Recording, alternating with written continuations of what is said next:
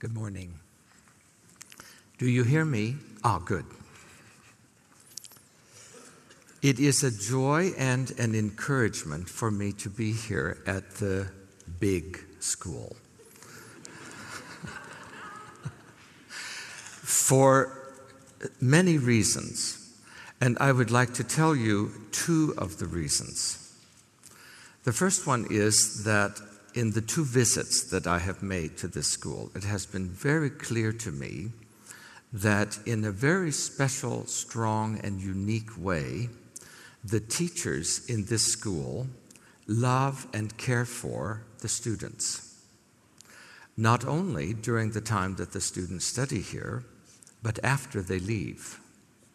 This is a great power. And I think we see the effect of that power in the growth of this school. The other thing that encourages me is the missionary spirit of this school, the sending out and taking out of groups of people all over the world. It seems to me that this is a redemption of the Viking spirit of the Norwegians, which was not entirely pleasant, as you may know. But I think it's being reformed and turned into a tool for God's kingdom. And I'm very pleased to see this. And I pray that you will be encouraged and strengthened and have joy in both of these realities in your lives and in your community. Our text today is loving God with all your mind.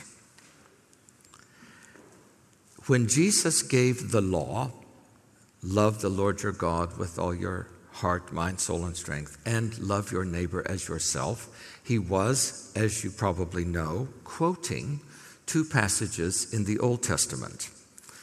In Deuteronomy chapter 6, verse 5, we have love the Lord your God with all your heart, soul, and strength. Interestingly, it doesn't say mind. But when Jesus quoted it, he added the word mind. In Leviticus 19, verse 18, we have the teaching about loving your neighbor as yourself, which Jesus quoted exactly as it is in the Old Testament. We shouldn't be confused about Jesus adding the word mind.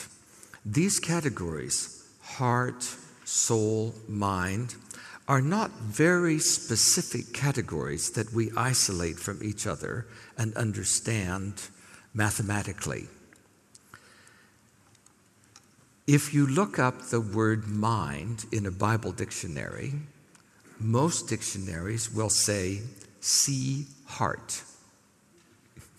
Then you have to look up heart to find out what mind is because they're overlapping categories. Heart means center, the center of you.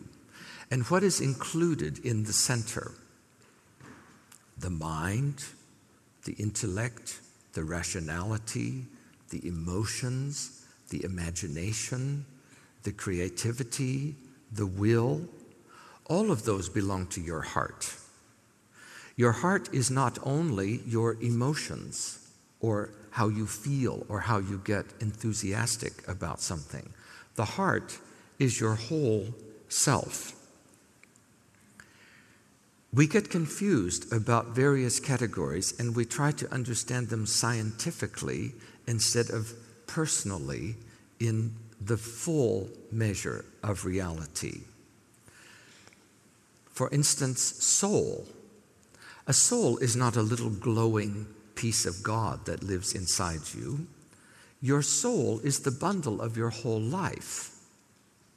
I think of soul as glue. You don't, you don't have a soul, you are a soul, and you have a spirit. The soul is the glue that holds all of you together. If you lose your soul, you lose your glue and you fall apart, you die. So it's very important not to lose your soul. God made us to be in His image, to be like Him. And one of the ways that He is, is rational. It's not all that there is about God, but it is a part of who God is and what He is like. And we see this in the creation account in the beginning of Genesis. God created in six days, and day by day, He divided things. He divided the land from the sea, and life from non life, and water life from land life, and animal life from plant life, all, all of these divisions. And that is what rational means. Rational means perceiving reality in ratios or relationships, understanding this is bigger than that and this is smaller than that, this is faster or brighter, to see the relationships within the reality around us. When God made the world, He created divisions or relationships, not for opposition, not so they would compete with each other but for complementarity so that they would support and complete each other. Then, when he made the human being, he said, You continue this rational process. Create from your own imagination increasing complexity, tend the garden, make decisions. Plant the roses over here and the wheat over there. This is our great mandate for dominion. We don't live naturally, we live spiritually, which includes the rationality. For instance, wheat naturally grows along the sides of streams mixed with all other plants. That is natural and that is not wrong. But the human being, commanded by God to be rational and to have dominion over the world, says, Wheat, you will grow in this field alone. That's violent. That is obvious manipulation of nature. It is commanded by God that we manipulate nature, that we put our hands on it and reshape it in ways that are not natural, but are artistic, arte, made by the arm of man, by choice, with rationality. That is what it means to be in the image of God. So when Jesus tells us to love God, he includes the mind or the rationality. Love God with your reason. Rejoice in God with your rationality. Serve God, praise God, glorify God with your rationality. And your emotions, and your will, and your creativity, and your relationships. We read in 1 John chapter 4 some teaching about love. He says, No one has ever seen God. But if we love each other, God lives in us, and his love is made complete in us. Now, the Greek word complete means total, and that means visible. So it's like a pun. He says, No one has ever seen God, but if you love each other and people see you love each other, they see God because God is love. So you have the power to make God visible in the world so that people who don't know Him can see Him. This is a tremendous power and a tremendous evangelical and apologetic tool. We've spoken a lot about apologetics in this conference. Apologetics is not only intellectual, it's the whole lifestyle of love which includes the intellectual, the whole person. The whole conference has been about love. And we've learned that love is not an emotion. But what is love? Love is a series of responsible choices that encourage and support the loved one in who God wants them to be. So, God has created all of us to be in His image and to be without fear and with joy.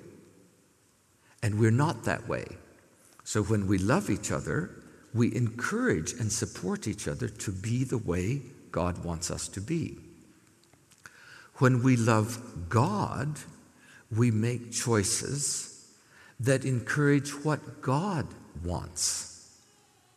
And we find out basically what God wants in the Lord's Prayer, which we all know, we have all memorized.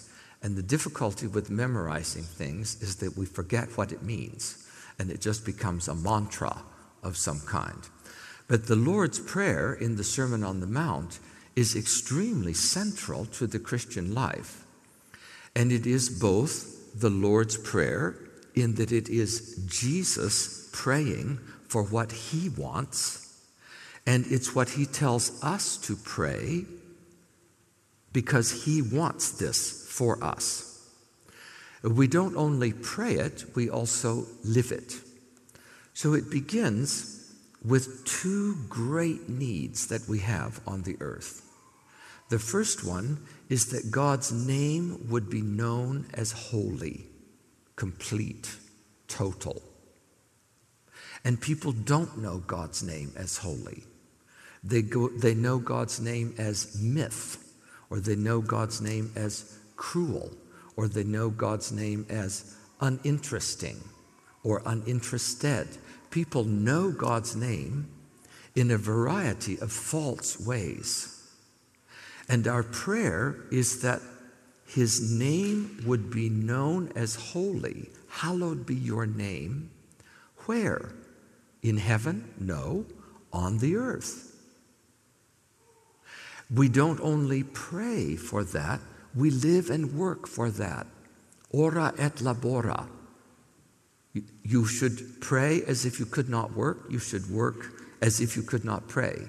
And the two go together to make a whole reality of life. And the next need that Jesus goes on to pray for is that God's kingdom will come and his will will be done. Those mean the same thing. It's just a repetition. We think of God's kingdom as someplace else. The kingdom of heaven is beyond the stars, and someday we'll get out of here and we'll go there and be with Jesus, and that will be lovely. That is not the Bible's idea about the kingdom of heaven. Jesus said a variety of things about the kingdom. He said, The kingdom is coming, the kingdom is near, the kingdom is here, the kingdom is among you in your relationships and the kingdom is inside you. So that's a riddle. If the kingdom is all of those things, what is it? Well, the church is not the right answer to the question. And someplace else is not the right answer to the question. The right answer to the question is the kingdom is the will of God. And that's what should come on the earth as it is in heaven, so that all of reality is one reality and not divided. So when we love, and when we love God, we speak about Him, we feel about Him, we work about Him to support our prayer and to participate with God in His kingdom coming on the earth as it is in heaven, so that everyone will be blessed and completed. John also gives us a bit of a challenge in verse 20. He says, If anyone says, I love God, but does not love his brother, he is a liar. Because the two have to go together. We can only love God by loving each other. The love of God is not a private thing. You don't love God alone in your quiet time in the morning. Of course, you do love God in your quiet time in the morning. But if that's all you do, that is not what God wants. It's not what He commands, it's not what He requires. He requires us to love each other as well. If anyone does not love his brother whom he has seen, he cannot love God whom he has not seen. And he has given us this command whoever loves God must also love his brother. So John is just repeating what Jesus said. Love is a series of responsible choices. Love is not what we feel only, it's what we do. Love is rational, but not only rational. Rationality is essential to our life. It's essential to the way God created the world. If we want to obey God and have dominion, we have to use our rationality, for instance, to build a bridge. You have to build a bridge rationally and accurately, or it's not a true bridge. But you cannot build an accurate marriage. Marriage is much more complicated than accurate or rational. So there are other parts of life than the rational that belong with the rational. And God wants us to be healed. We find in ourselves a conflict between our emotions and our thinking, between our being and our doing. And Jesus came to heal those separations so that we are one whole healed person in community with our neighbors, not just isolated people, but people in the family of God, in love. Not privatized love, but relational love. Now, there's been a lot of teaching, a lot of challenge, a lot of burden put on you in this conference to think and to wake up and to be aware and to confess that you haven't been that way. It's, I think it's been a little bit hard on you in, in some ways. And I'm not sorry, but I am sympathetic that it's, it's not been so easy. And so I would like, as I finish, to speak about the reward that you can look forward to for your obedience. It's not just work, work, work, it's joy and reward. And Paul speaks about this in his first letter to the Thessalonians. He had a very special relationship with the Thessalonians. He came to Greece from Turkey, and he first came to Philippi, and then he went to Thessaloniki. He was only there three or four months but a church started, and he fell in love with these people. In, in unique ways that he didn't fall in love with people in other places. And when he wrote to them from Corinth, he came south into the south of Greece, and he missed them horribly. And he wrote them a letter and he sent Timothy to visit them because he was concerned that maybe they're forgetting what I taught them and maybe they're losing their enthusiasm for God's kingdom and for his love. And so he wrote, But brothers, when we were torn away from you, and the Greek means when we were made orphans, which is another one of Paul's puns he has been speaking about being a father to them and being a mother to them. And now he speaks about being a child. So you see, this holistic complex of family relationships that he's talking about in the body of the church, of the bride of Christ. When we were orphaned, when we were torn away from you for a short time, in person, not in thought, and that word is heart, in person, not in heart, but it's accurately translated thought. Out of our intense longing, we made every effort to see you, for we wanted to come to you. Certainly, I, Paul, did again and again, but Satan stopped us. For what is our hope, our joy, or the crown in which we glory in the presence of our Lord Jesus when he comes? That is a good question. When Jesus appears, and we all are either come out of the grave or alive to see him appear, but we're all together in any case, we expect a reward for our obedience and our service and the faithfulness of our lives. What reward should we expect? We have learned to expect streets of gold, mansions, wings, um, robes, some of which are biblical, some of which are perhaps less biblical. We have various ideas about what reward we're going to get. And we're certainly going to get a crown. That's very clear from Scripture. What does that crown mean? What is that crown? Paul says it very clearly. What is our hope, our joy, or the crown in which we will glory in the presence of our Lord Jesus when he comes? Is it not you?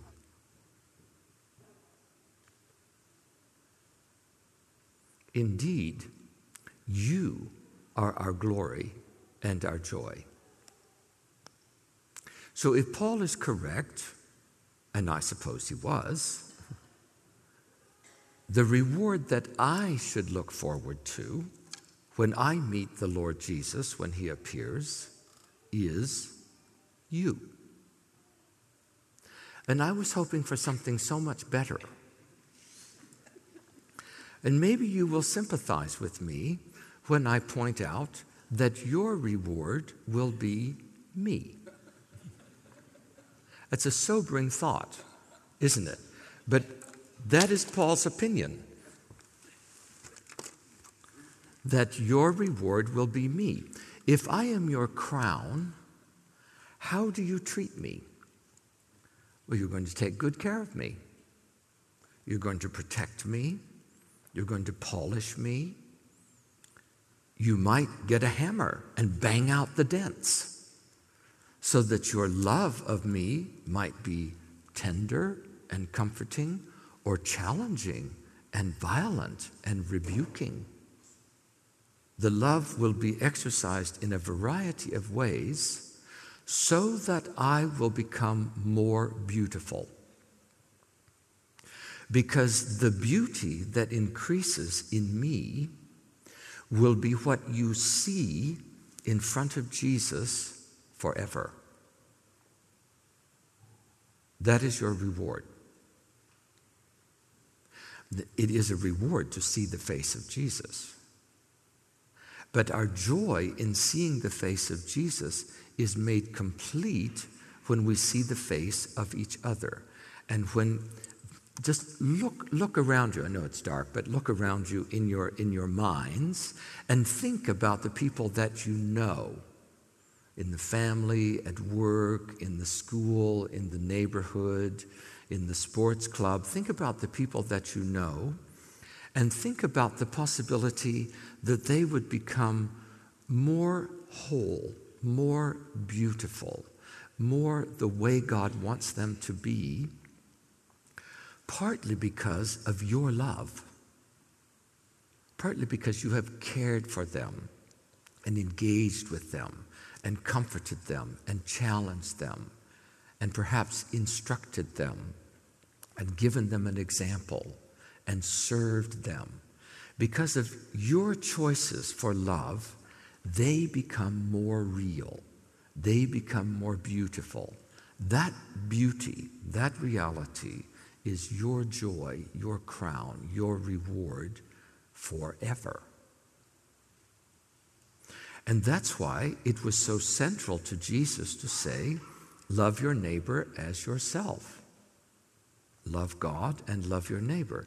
Because if you don't love your neighbor, there won't be any reward.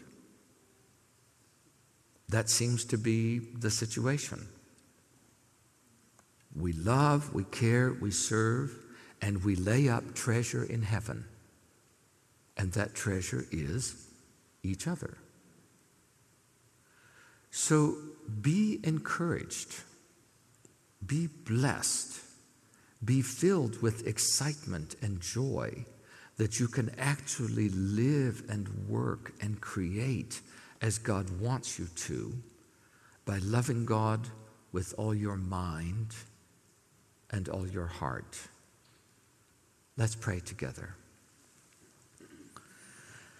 Our dear kind Father in heaven, we thank you for your love in truth. We thank you for all of who you are. We thank you that you have made us in our image. And we confess to you that that image is broken in many ways. And we pray that you will heal us and strengthen us and encourage us to be like Jesus, to be serving and sacrificial. We pray that you will give us by your Holy Spirit a vision of what true investment in life and true investment in heaven is, and that we will see clearly how our investment in each other and making each other beautiful is an investment for ourselves as we love our neighbor as ourselves. And we pray these things in Jesus' name and through the power of the Holy Spirit. Amen.